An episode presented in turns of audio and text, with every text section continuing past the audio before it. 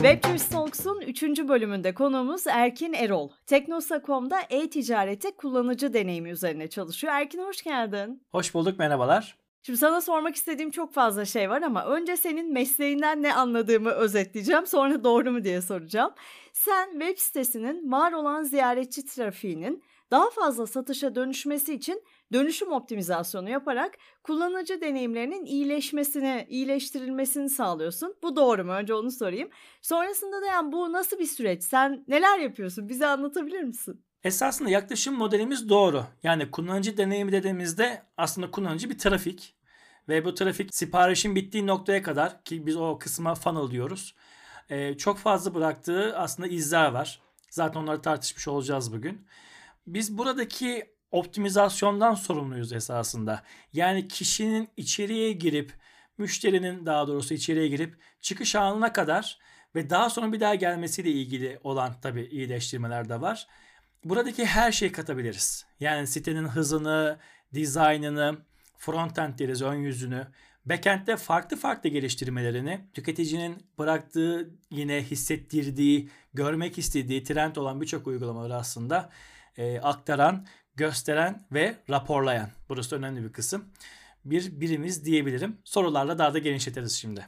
Tamam şimdi mesela kullanıcı deneyimini iyileştirmek dedik ya. Ya bu deneyimi iyileştiren etkenler neler? Nasıl iyi bir kullanıcı deneyimi bir internet sitesi, alışveriş sitesi bize verir? Öncelikle e, tüketicinin bizi anladığından emin olmamız gerekiyor. Bunun için de raporlama tool'larımız var. Sizin de çok iyi bildiğiniz gibi web çatısı altında.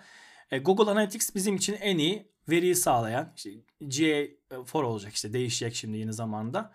E, öncelikle burada çok fazla data birikiyor.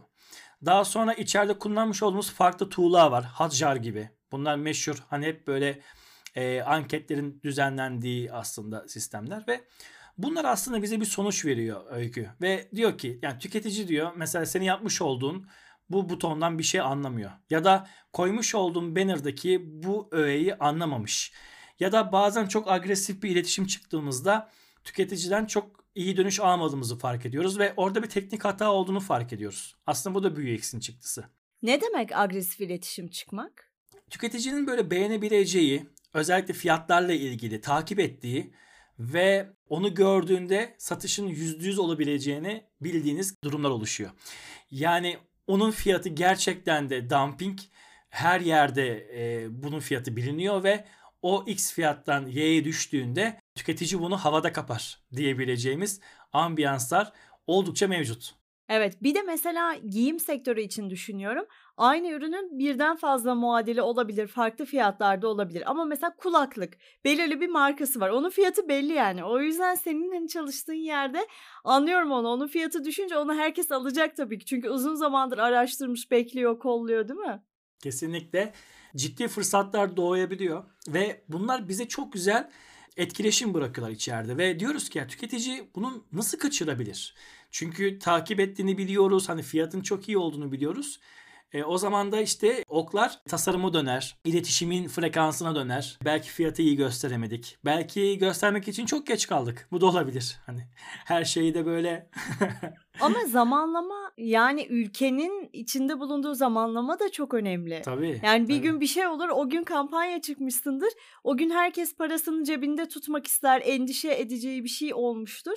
E o zaman o kampanya işe yaramıyor. Ne kadar zor, ne kadar çok aslında göz önüne alınması gereken şey var. Valla eskileri hatırladım şimdi. Biz çok eski eticar zamanlarında hala da baz alınıyor ama eskiden çok baz alınırdı. Aylık maaş yatma günlerinde hesaba katardık mesela. Ama bu çok hani o zamanlar daha bunlar baskındı. Yani hayır 15'inde para harcanır falan. Tabii şimdi bu metrikler çok böyle küçük kalıyor. O kadar fazla şey var ki e, fokuslanacak alanlar. O çok mini kaldı içerisinde ama eskiden çok böyle majördü. 15'i iletişim yapılacak falan böyle. Hani. eskiden öyleydi. Yani işin arka planında aslında büyük bir kısmında kullanıcıyı anlamak var değil mi? Tüketicinin dilini anlamak, onunla aynı dili konuşmak bir de. Ya anlamadığınız, bilmediğiniz, hani normalde de bir vatandaş olarak düşünün kendinizi. Ee, bugün Amerika'ya gittiğinizde hani İngilizceniz yoksa yabancısınız. Ya da Çin'e gittiğinizde e, Çinceniz yoksa hani hatta çok yabancısınız yani hiçbir şey de anlamıyorsunuz vesaire. E, UX aslında buradaki çeviriciyi üstleniyor. Aslında translate dediğimiz o konuyu tüketicinin bırakmış olduğu bir dil var ve UX bunu alıyor nasıl davranmamız gerektiğini karşı tarafa tekrar iade ediyor diyebiliriz. Şimdi Webster Talks'u dinleyenler UX'i duymuşlar. Zaten çok iyi bilenler vardır ama çoğu duymuştur diye düşünüyorum. Hiç bilmeyenler için bu UX dediğimiz şey bir açılımı ne? Onu böyle bir cümle söyleyelim mi? Dümdüz tanımı kullanıcı deneyimi. Normalde de haberlerde de hatta haber spikerlerine bile işte bilmem ne deneyimi diye bir şey söyler. Yani özellikle yani ekonomide de dahi hani her yerde bir deneyim kelimesi var. İşte televizyonları izlediğimizde işte muhteşem bir araç deneyimi, sürüş deneyimi. Deneyim aslında hani çok düz mantıkla baktığımızda insanların o ürün ya da o nesne neyse onun üzerinde yaşamış olduğu aslında iyi veya kötü veya nötr yorumlarının yaşanması. Arabaya bindiğinizde bunun sürüşü çok rahat dersiniz. E-ticaret sayfasında işte X markaya girdiğinizde ay bu sayfa çok hızlı açılıyormuş dersiniz. Ya da işte e, sepetinde çok güzel indirimler uyguluyormuş dersiniz. Aplikasyonu varmış hemen indireyim oradan sürpriz indirimler veriyormuş diyebilirim. Hep bu tarz böyle çıktılar. İnsanların böyle cümle içerisinde kullandığı çıktılar aslında deneyimi özetliyor. Ama bunun arkasındaki o growth yani o büyüme hareketleriyle birleşen muazzam e, işleyişler var. Yine değinmiş olacağız diye düşünüyorum şimdi.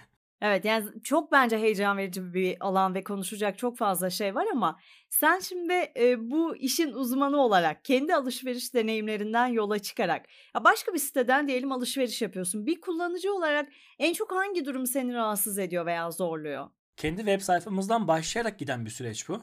Ben kendi sitemizden de çok alışveriş yapıyorum bu arada ve gerçekten de kendime şey diyorum ya biziz ya bunu yöneten. Hani bunu, bunu görmemiş miyiz diyorum. Hani kendimizi eleştiriyorum. Ve diğer markalarda bu çok baskın oluyor. Deneyimini çok sevdiğim markalar var. Çok sık alışveriş yaptığım yerler var. Ve tabii ki de mesela genellikle ben ödeme adımlarında çok titiz bir insanım. Ve girdim her web sayfasında ödeme adımında çok rahatlıkla konforu bekliyorum. Yani nasıl rahat ve hızlı alışverişimi tamamlayabilirim. E, bazı web sayfalarında beklentim daha farklı oluyor. Mesela kimi bu, bu daha farklı bir yaklaşım olacak bak. Mesela bazı ürünler hakkında çok fikrim olmuyor öykü.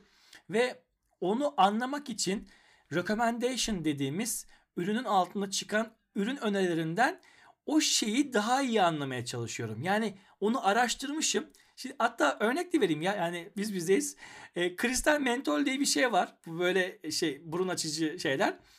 Ama yani hiç görmedim ve nasıl olduğunu bilmiyorum. Onu araştırırken alttaki recommendation'lar sayesinde doğru ürünü alabileceğimi öğrendim. Yani ve o sitede X sitesinde onu çok başarılı buluyorum ve ben şimdi bir şey ucundan duyduğumda dur diyorum önce oradan bir bakayım nasıl bir şey olduğunu anlayayım. Muhteşem bir e, aslında kullanıcı deneyim çıktısı. Direkt e, yine İngilizce olacak ama conversion rate dediğimiz yani dönüşüm optimizasyonuna yani görüp sepete atma eğilimime ve siparişi tamamlamama neden olan bir deneyimi bana aşılamış oldu. Bu bence bir başarı. Çok güzel bence de öyle.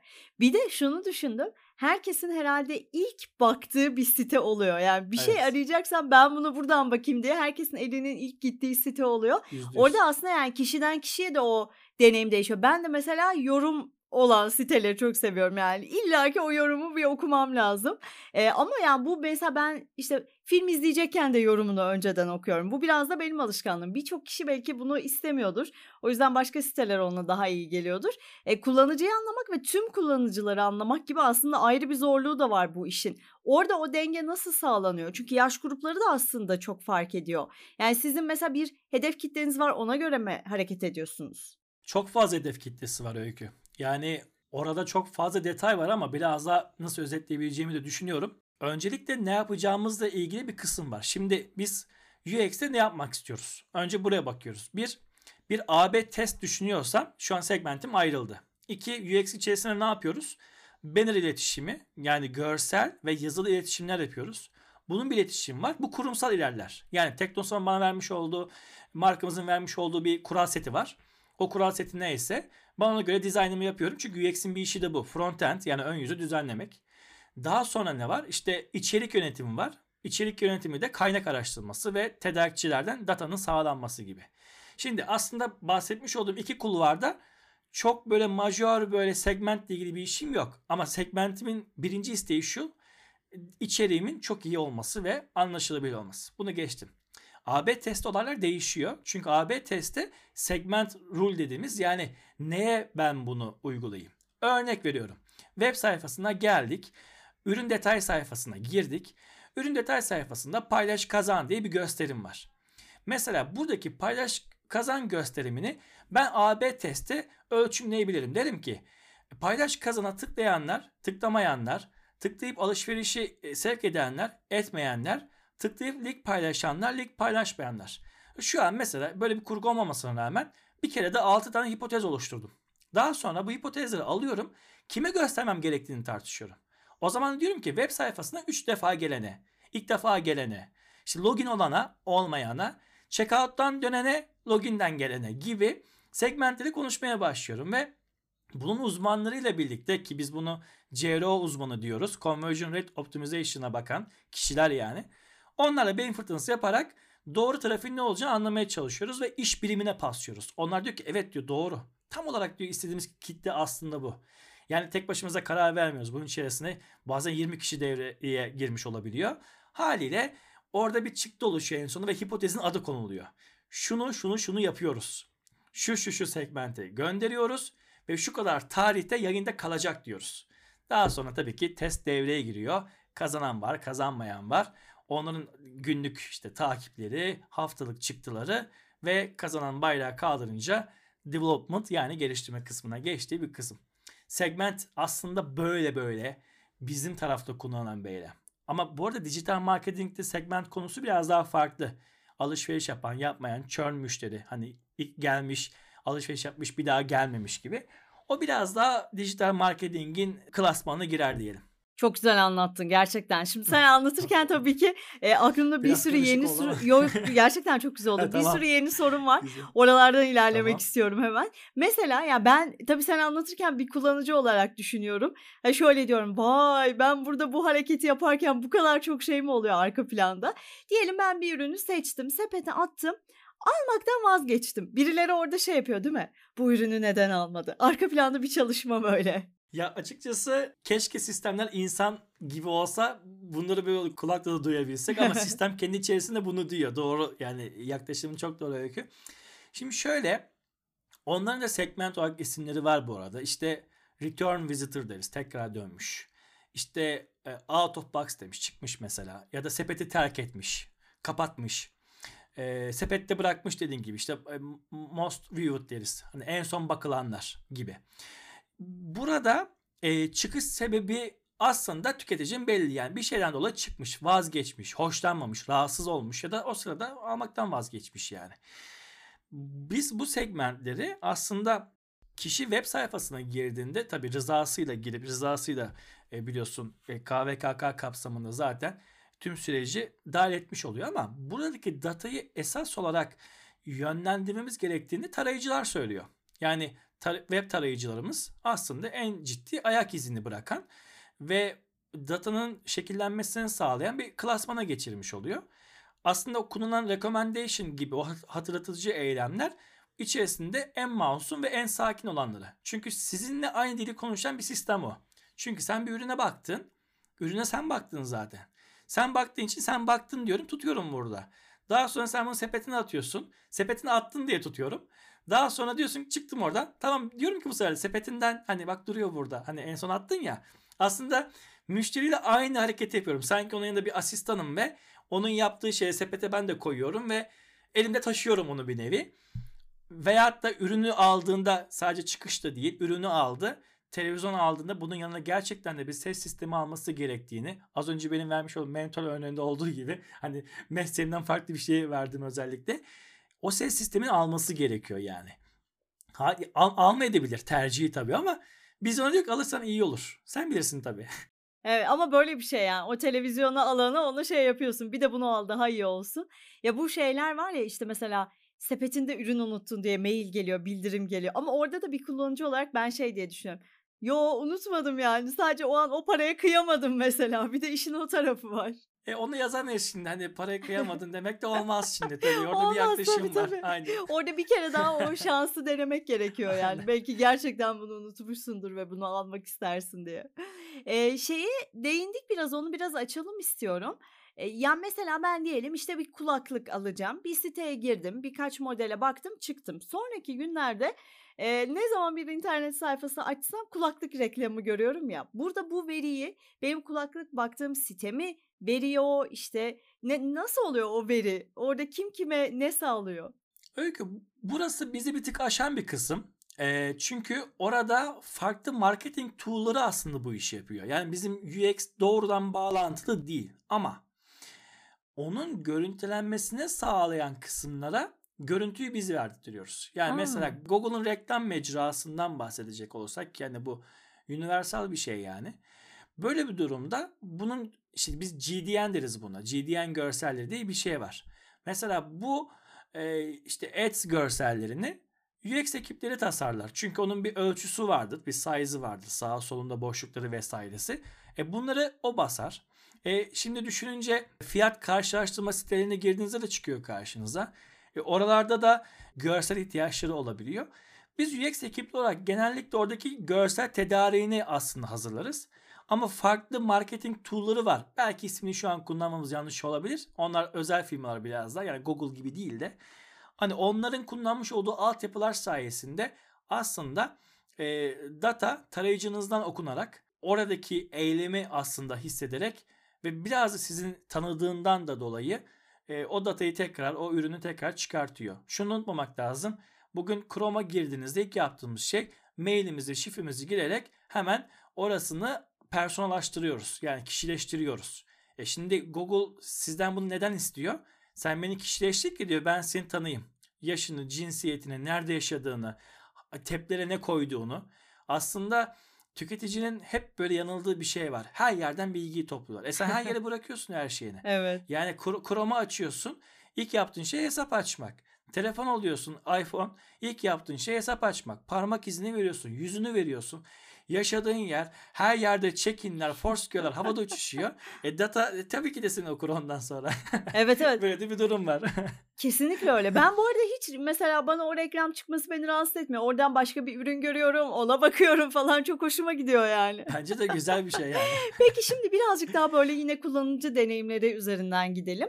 Ben bir kullanıcı olarak şunu gözlemliyorum. Seni de yakalamışken sormak istiyorum. Seve Mesela birçok sitede böyle arama kısmına ne kadar fazla kriter girersem o kadar az doğru sonuç alıyorum. Yani Evet. mesela örnek vereceğim. İşte beyaz pantolon, keten kumaş, kadın, 36 beden, bol paça, yüksek bel. Bunu istiyorum yani. Bana bu ürünü çıkarsın istiyorum. Ama bu arama kriterlerini artırdığımda işte keten gömlek, beyaz eşya çıkabiliyor karşıma. Yani Atlıyor bu bazı şeyler. Evet yani bunu yapmak teknik olarak zor mu yoksa sistem benim direkt o ürüne ulaşmamı istemiyor da başka şeyleri de mi gör diyor. E, UX'ten önceki mesleğim benim search e, arama motoruydu. Onu söyleyeyim. O yüzden tam böyle uzmanlık taraftan soru geldi. Öykü aslında çok zor değil. Ama 15 ürünü olan bir web sayfasını konuşuyor olsak istiyorsan oraya hikaye yaz. Yani al Sezen Aksu'nun şarkısını yaz. Onun çıktısındaki ürünü sana gösterir. Vallahi yani bunun altına imza atarım. Search engine'ler, arama motorları or veya end yapısına göre çalışıyor. Bu şu anlama gelir. Sen her kelimeye yazdığında bir boşluk bıraktığında biz oraya or veya end de deriz. End dersek V yapar. Yani beyaz ve pantolon. Ya da or'u çok kullanırız. Beyaz veya pantolon. Şimdi bunlar web sayfasının dinamine göre değişiyor. Örnek verelim. Arama motorunda genellikle end yapısı kullanılıyor. Fakat beyaz pantolon sorgusuna 100 tane mağazanın ürün girdiğini düşünün. Fakat bu sefer de beyaz keten pantolonlar arkada kalmaya başlıyor. Çünkü üstte çok fazla bu var. Ama sen diyorsun ki beyaz keten pantolon gelsin. Fakat beyaz keten pantolonun stoğu belki de çok az. Şimdi search engine'ler stoğa bakar.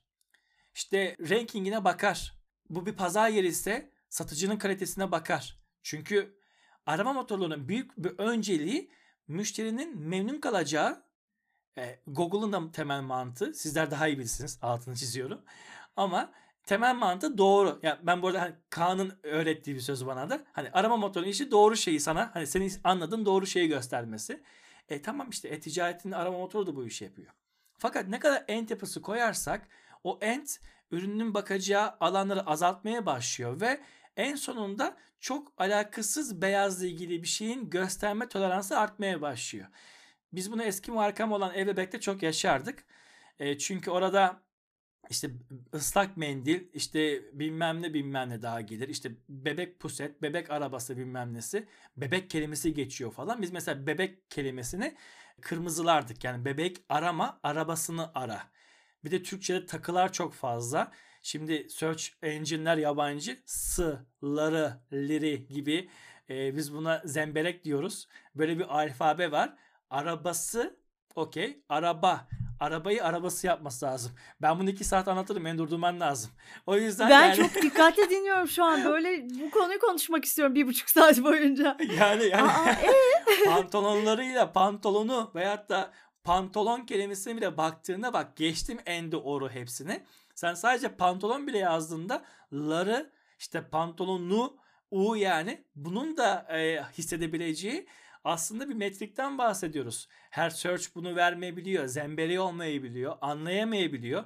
Larry yazdı mesela. Yani pantolon Larry. i koydu. E Larry da hani Türkçe arka tarafta. Hadi onun da bir senkronizasyonu. Şimdi gelelim sorunun ilk baştaki kısmına. Zor mu? Zor. Zor. Bunun için arama motorlarında çok fazla efor harcanıyor. Öykü yani çok fazla paralar harcanıyor bu arada. He, iyice şekillendi mi? Şekillendi. E, Teknosa'da var, farklı markalarda da görüyoruz. Sağ yazınca Samsung geliyor mesela. Bu gerçekten de tüketicinin ne aradığıyla ilgili. E peki Samsonite gelmesi gerekirse ne olacak? İşte Evet burada işte. işte evet bu buna yapacak bir şey yok yani. O zaman Samsonite yazmasını isteyeceğiz. Çünkü Samsung ve Samsonite ikisinde Sam var yani. Evet Buna evet. çok yapacak bir şey kalmıyor. Böyle e, farklı şeyler var ama bu sefer de şu devreye giriyor. E Teknosa'da da daha çok Samsung aranır yani düşününce. Bavul markası mı daha çok aranır? E, telefon markası mı? Televizyon markası mı? E, o zaman da diyoruz ki tüketicinin %90'ı zaten teknolojiyi arıyor. O zaman kabul. Yani küçük tolerans payları olacak. Keten pantolonlar bulamayınca da e, beyaz pantolondan şey yapacak. Fastfood'dan gidip e, kumaş türünü seçecek. Evet, evet, evet. Ben artık bir kullanıcı olarak beklentilerimi düşürmeye karar verdim. Arka plandaki zorluğu gördükten sonra. Basitleştirelim ya öyle de. Evet, evet, tamam. Gerçekten yani tabii ki bir kullanıcı olarak bir de onlar o kadar hızlı yaşanan şeyler ki o arkada bu kadar çok şey olduğunu insan düşünmüyor. O yüzden öğrenmek çok hoşuma gitti böyle o gizemli kapıları aralayıp Süper. bunları bilmek çok çok hoşuma gitti. Harika. Tabii aplikasyon ve mobilde de olaylar değişiyor. Onlara girmedim. E, Onu Hani başka bir bölümde aplikasyon- bunları bence bir... O da ayrı bir dünya yani. Şunu merak ediyorum. Yani diyelim kullanıcı deneyimini iyileştirdik. Bir kullanıcıya almayı düşünmediği bir ürünü bu deneyimi iyileştirerek aldırmak mümkün mü?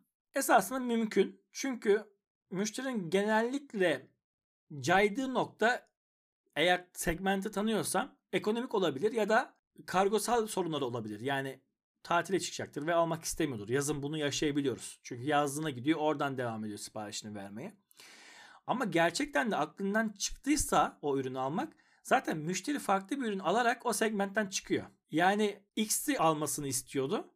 Ben ona bunu al dememe gerek kalmadan Y'yi tercih ettiği için bu segment benim için bir anda yok oldu. Ama gerçekten de X'i almaktan vazgeçti ve onu ikna etmek istiyorsam onu ben bir şekilde başarabilirim ve tabii bununla ilgili çok fazla dönüşüm tartışmak lazım. Ne kadarı dönmüştür? Buradaki iletişim çok sıkıcı mıydı değil miydi? Bunlar hesaplanması gerekiyor. Biz burada tek başımıza karar verici değiliz. Burada dijital marketing ekibini çekeriz karşımıza deriz ki böyle bir segment var. Ne yapmamız gerekiyor? Onlar data ile ilgili bize paylaşımda bulunurlar. Derler ki ya müşteriler çok sıkı şeyden hoşlanmıyor ya da gece geç iletişim işte mağazalarda var yapmasak mı?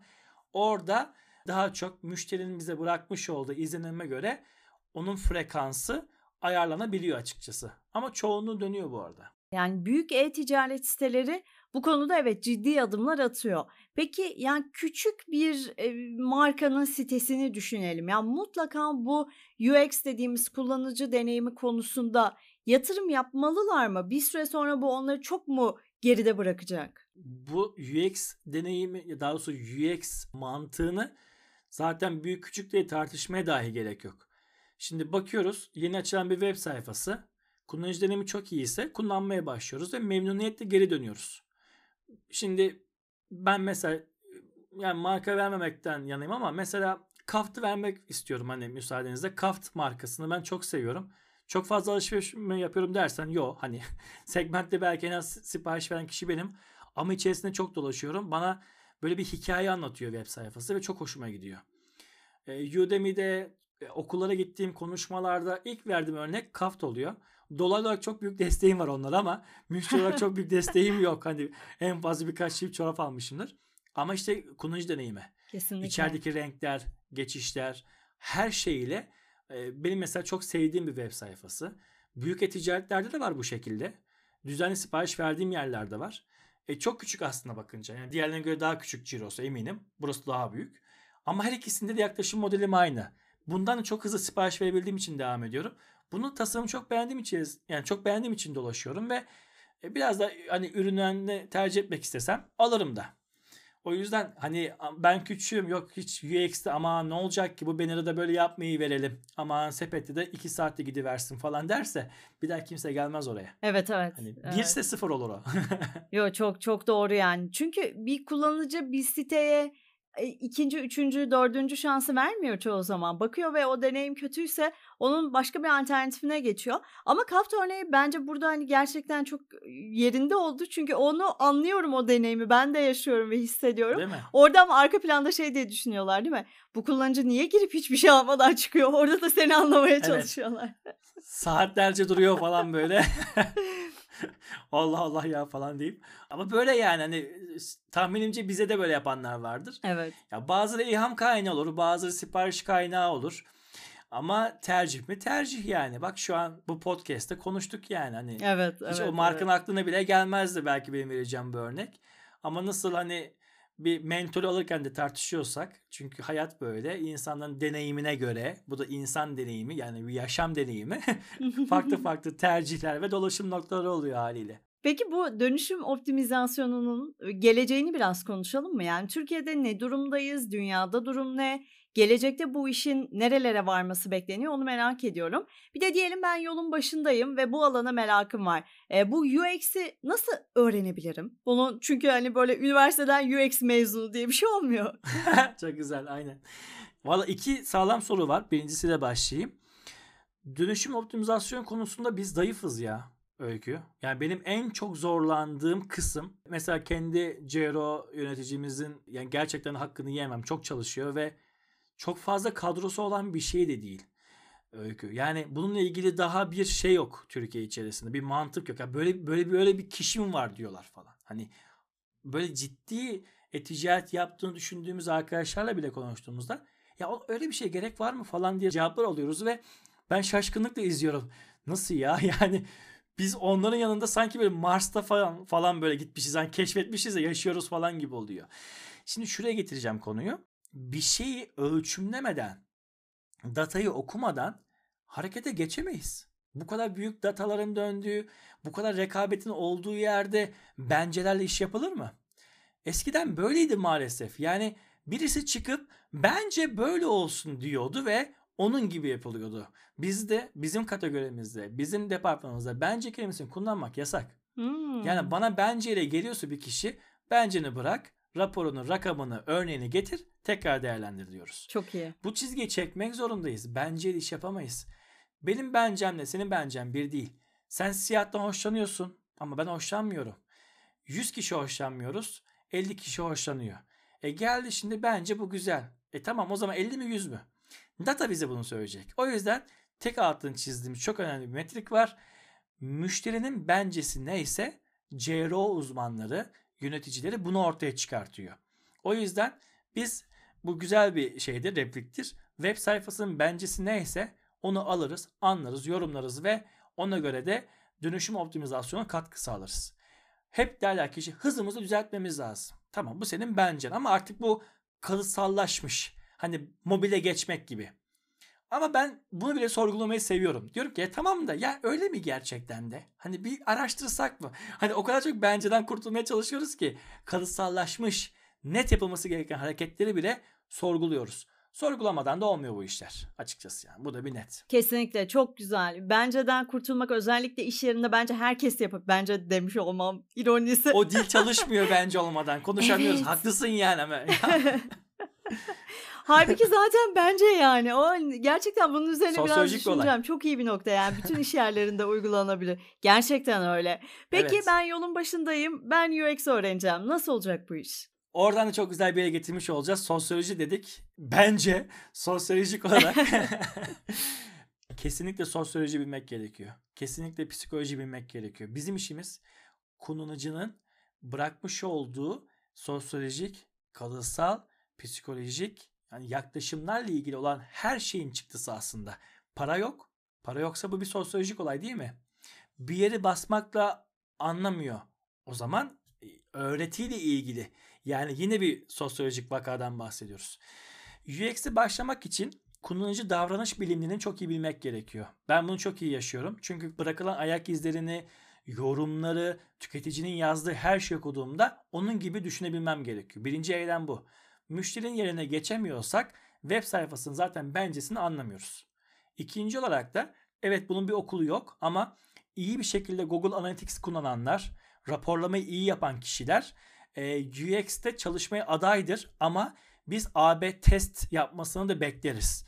O yüzden biraz da kod bilmesi, CSS kod bilmesi, raporlamayı iyi bilmesi ve Google Optimize gibi ya da bunu yapabilecek diğer tool'ları da biliyor olmak e, UX'ci olma yolunu açan kısımlar. UX'te branşlar var. İşte UX researcher'lar var. Bunlar tasarım bilimini araştırırlar. İşte UX writer'lar var. Bunlar UX hakkında yazı yazarlar. Sepetine ekle. Gerçekten de sepetine ekleme yazılmalı. Yani bak bu çok ince bir detaydır yani. İnceleme olmalı. İşte mağazada keşfetme olmalı. UX writer oturup saatlerce günlerce bunu araştırmakla sorumlu. Ve o başlığı onun dediği çıktığı göre Erkin'in bencesine göre değil yani. UX writer ne diyorsa onun gibi yazılmalı.